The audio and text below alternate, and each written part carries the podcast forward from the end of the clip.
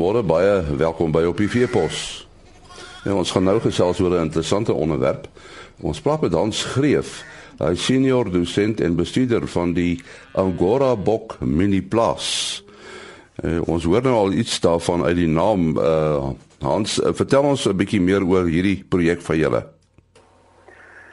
Die miniplase is in 1999 gestig op Grootfontein en die doel van die miniplase was om studente meer praktiese opleiding te gee waar hulle in hulle eerste en hulle tweede jaar die teoretiese en die praktiese opleiding doen soos ehm um, wolklas en bokkarklas kry hulle in hulle derde jaar die geleentheid om 'n wat ons noem 'n mini plaas dis ongeveer tussen 200 en 300 hektaar waar hulle met 50 na 100 oeye boer soos wat mense dit op 'n plaas sal doen kry kry die studente dan die geleentheid om dit in die praktyk toe te pas dat hulle weet wanneer hulle weggaan op Grootfontein dat hulle weet hoe om te boer soos wat mense dit op 'n plaas sou gedoen het.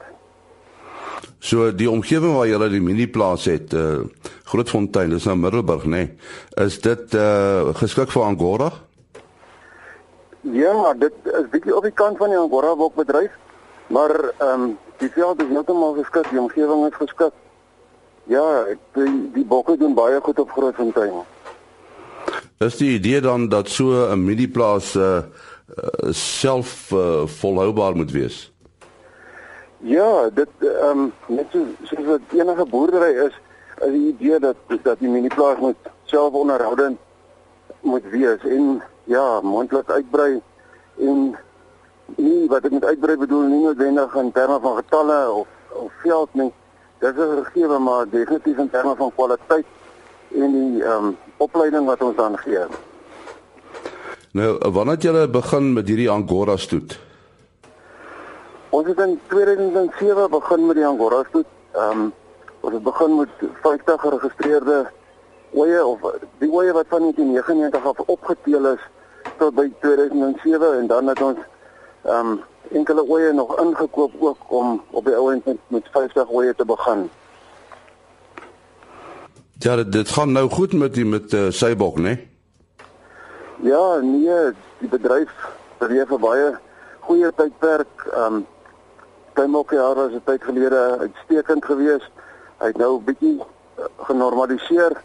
Ehm um, Grootbokhaar is op van die hoogste vlakke wat hy nog ooit was. So dit dit gaan baie goed in die bedryf. Nou die studente wat julle daar het, is daar ouens wat spesialiseer op uh, op uh, Seibok uh, op Angora. Ja, die groep derde jaar studente, hulle kry aan die begin van hulle derde jaar kry hulle die geleentheid om te kies by watter miniplaas hulle wil wees. Ehm um, ons het die Angora se boerbokke, dorpe, marinos, vleismarinos en Drakensberger. Ehm um, nou dis nie altyd moontlik om vir die studente hulle eerste keuse te gee nie, maar ons probeer hulle sover as moontlik akkommodeer en dan kry 'n student wat die Angora mini plaas kies kry dan basies die geleentheid om om te spesialiseer. En uh, ons sien ook uit die studente wat aangestel word na Grootfontein en hulle klaar studeer het dat hulle gaan werk vir die bokkar makelaars CMW Termouer en Wool en BKB waar hulle dan ook die geleentheid kry om dit wat hulle op Grootfontein geleer het dan nou te gaan toepas. Jy het eintlik gesê die die mini plaas is 'n is 'n ware Jakob. So jy neem ook aan skoue deel. Ja, dis reg. Ehm um, elke mini plaas kry die geleentheid om twee skoue per jaar by te woon. Ehm um, die Angora bokke skou gewoonlik op Willowmore. Willowmore is in die hartjie van die bokhaar bedryf, so daar so is altyd baie sterk kompetisie. En dan die ander skou waarna ons deelneem is Kraddock se skou wat hier in die in die noorde kant weer ook in die in die mekka van die bedryf is waar ons ook elke jaar probeer om om deel te neem. Dit gaan nie net oor deelneem nie, nee, jy kan ook seker toekennings, jy wen dan seker iets. Ja, nee, dit gaan goed. Ehm um, ja, ons het al verskeie kampioene vertoon. Ehm um, op Kraddock geskou het ons al 'n paar keer die die toekenning gekry vir die meeste punte en ons is baie trots daarop en Ons doen elke jaar moeite om ons bokke goed voor te berei om om daar te gaan skou. Uh, waarvoor teel julle presies? Watter eienskappe? Die belangrikste waarvoor ons teel is maar vrugbaarheid. Ehm um, want dit is dit is tog waaroor elke boerdery gaan. Ons wil soveel as moontlik bokkies groot maak en ehm um, hoe meer bokkies jy groot maak, hoe strenger kan jy selekteer en ja, dan gewoonlik het ons 'n goeie klompie surplus bokkies en daai surplus bokkies wat ons kan verkoop is weer saad wat ons kan terugploeg in ons stoete, dit sê met voer of um, om nuwe beter genetika aan te koop. Ehm um, ons neem op die, die eienskappe, die fisiese eienskappe, lengte, fynheid, hoeveelheid hare, soliditeit, al daai eienskappe wanneer ons ons bokke klas, ons jong bokkies en ons ramme neem ons aan ag. Ehm um, Maar daar is nie 'n spesifieke eienskap waarvoor ons selekteer om te sê ons selekteer net vir lengte of net vir fynheid nie. Ons wil 'n goed gebalanseerde vrugbare bok teel wat enige plek hierso in die in die bokkar bedryf of in die bokkar gebied kan aanpas. En ons ons doel is eintlik om goeie kwaliteit genetika ook aan die bedryf te voorsien. Nou wat van gehardheid want 'n mens hoor so nou en dan hulle sê eh, die die eh, die angoras is maar bietjie kleinserig. Uh, wat sê jy daarvan? Ja, die mense wat daai stelling maak is mense wat gewoonlik nie baie naby aan die bedryf is nie. Ehm um, of wat hulle praat van wat hulle hoor en nie wat hulle fisies ervaar nie.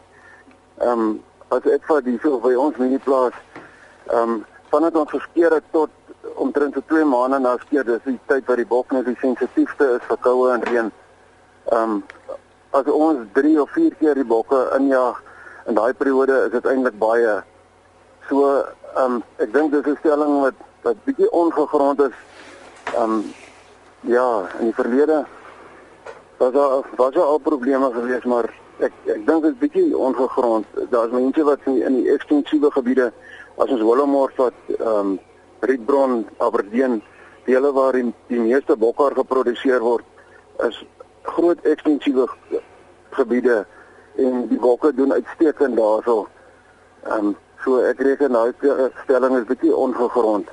Ehm um, aan die ander kant op, ons het ons veldramklaps ehm um, van ons beste genetiese materiaal word op die veldramklaps verkoop. Dit is ramme wat vir 6 maande onder veldtoestande getoets word en kopers wat ramme op daai veldramveilingskoop is baie tevrede en ehm um, die ramme doen uitstekend in die veld.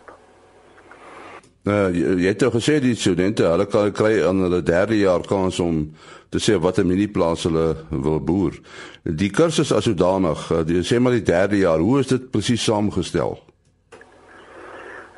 Die minieplaas maak 'n groot deel uit van die kursus en dan het die studente nog die basiese vakke ook soos diereteeling dierevoeding, landboubestuur, dieregesondheid en ehm um, op op 'n derde jaar vlak waar hulle basies dan ehm um, net kom ons spesialiseer dan in in elke spesifieke rigting. En hoe lyk die belangstelling? Het julle daarom genoeg studente? Ja, die belangstelling op Grootfontein staan uitstekend. Ehm um, vir die miniplaas spesifiek ehm um, ons kan ongelukkig nie elke jaar al die studente akkommodeer wat by die miniplaas wil wees nie. Ehm um, dit gaan maar oor ons probeer om die studente eweredig in te deel dat daar eweveel studente by elke miniplaas is. Ehm um, elke jaar is daar so ongeveer 60 na 70 area studente en ons probeer hulle so indeel dat daar tussen 10 en 12 studente per miniplaas is. En is daar dan dames studente ook? Ja, nee, definitief ons het elke jaar van ons beste studente is dames. Die dames is baie toegewy. Hulle raak ongelooflik lief vir die Angora bokke en hulle leef daai passie uit, veral met lamtyd.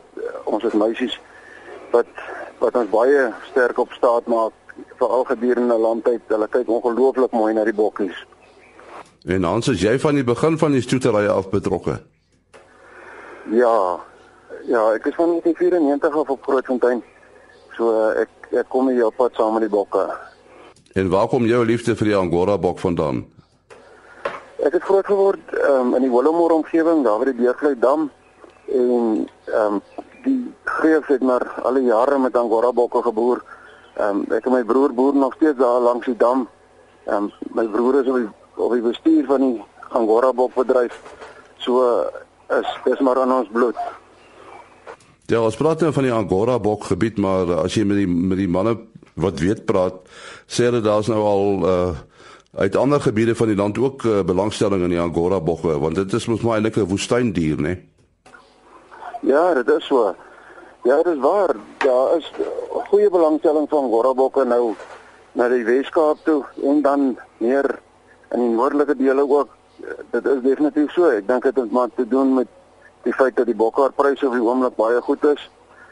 Dit aan die een kant en aan die ander kant dat om teelmateriaal te koop uh, is nog steeds relatief goedkoop. Ehm um, ons kan nog steeds Angora ooe koop vir tussen 800 en 1000 rand.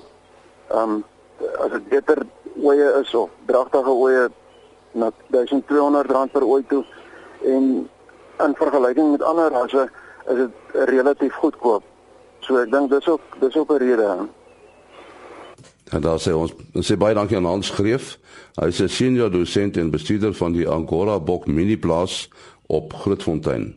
Ons is maandagooggend om 4 voor 5 weer op ons pos. Tot dan, mooi loop. Ah.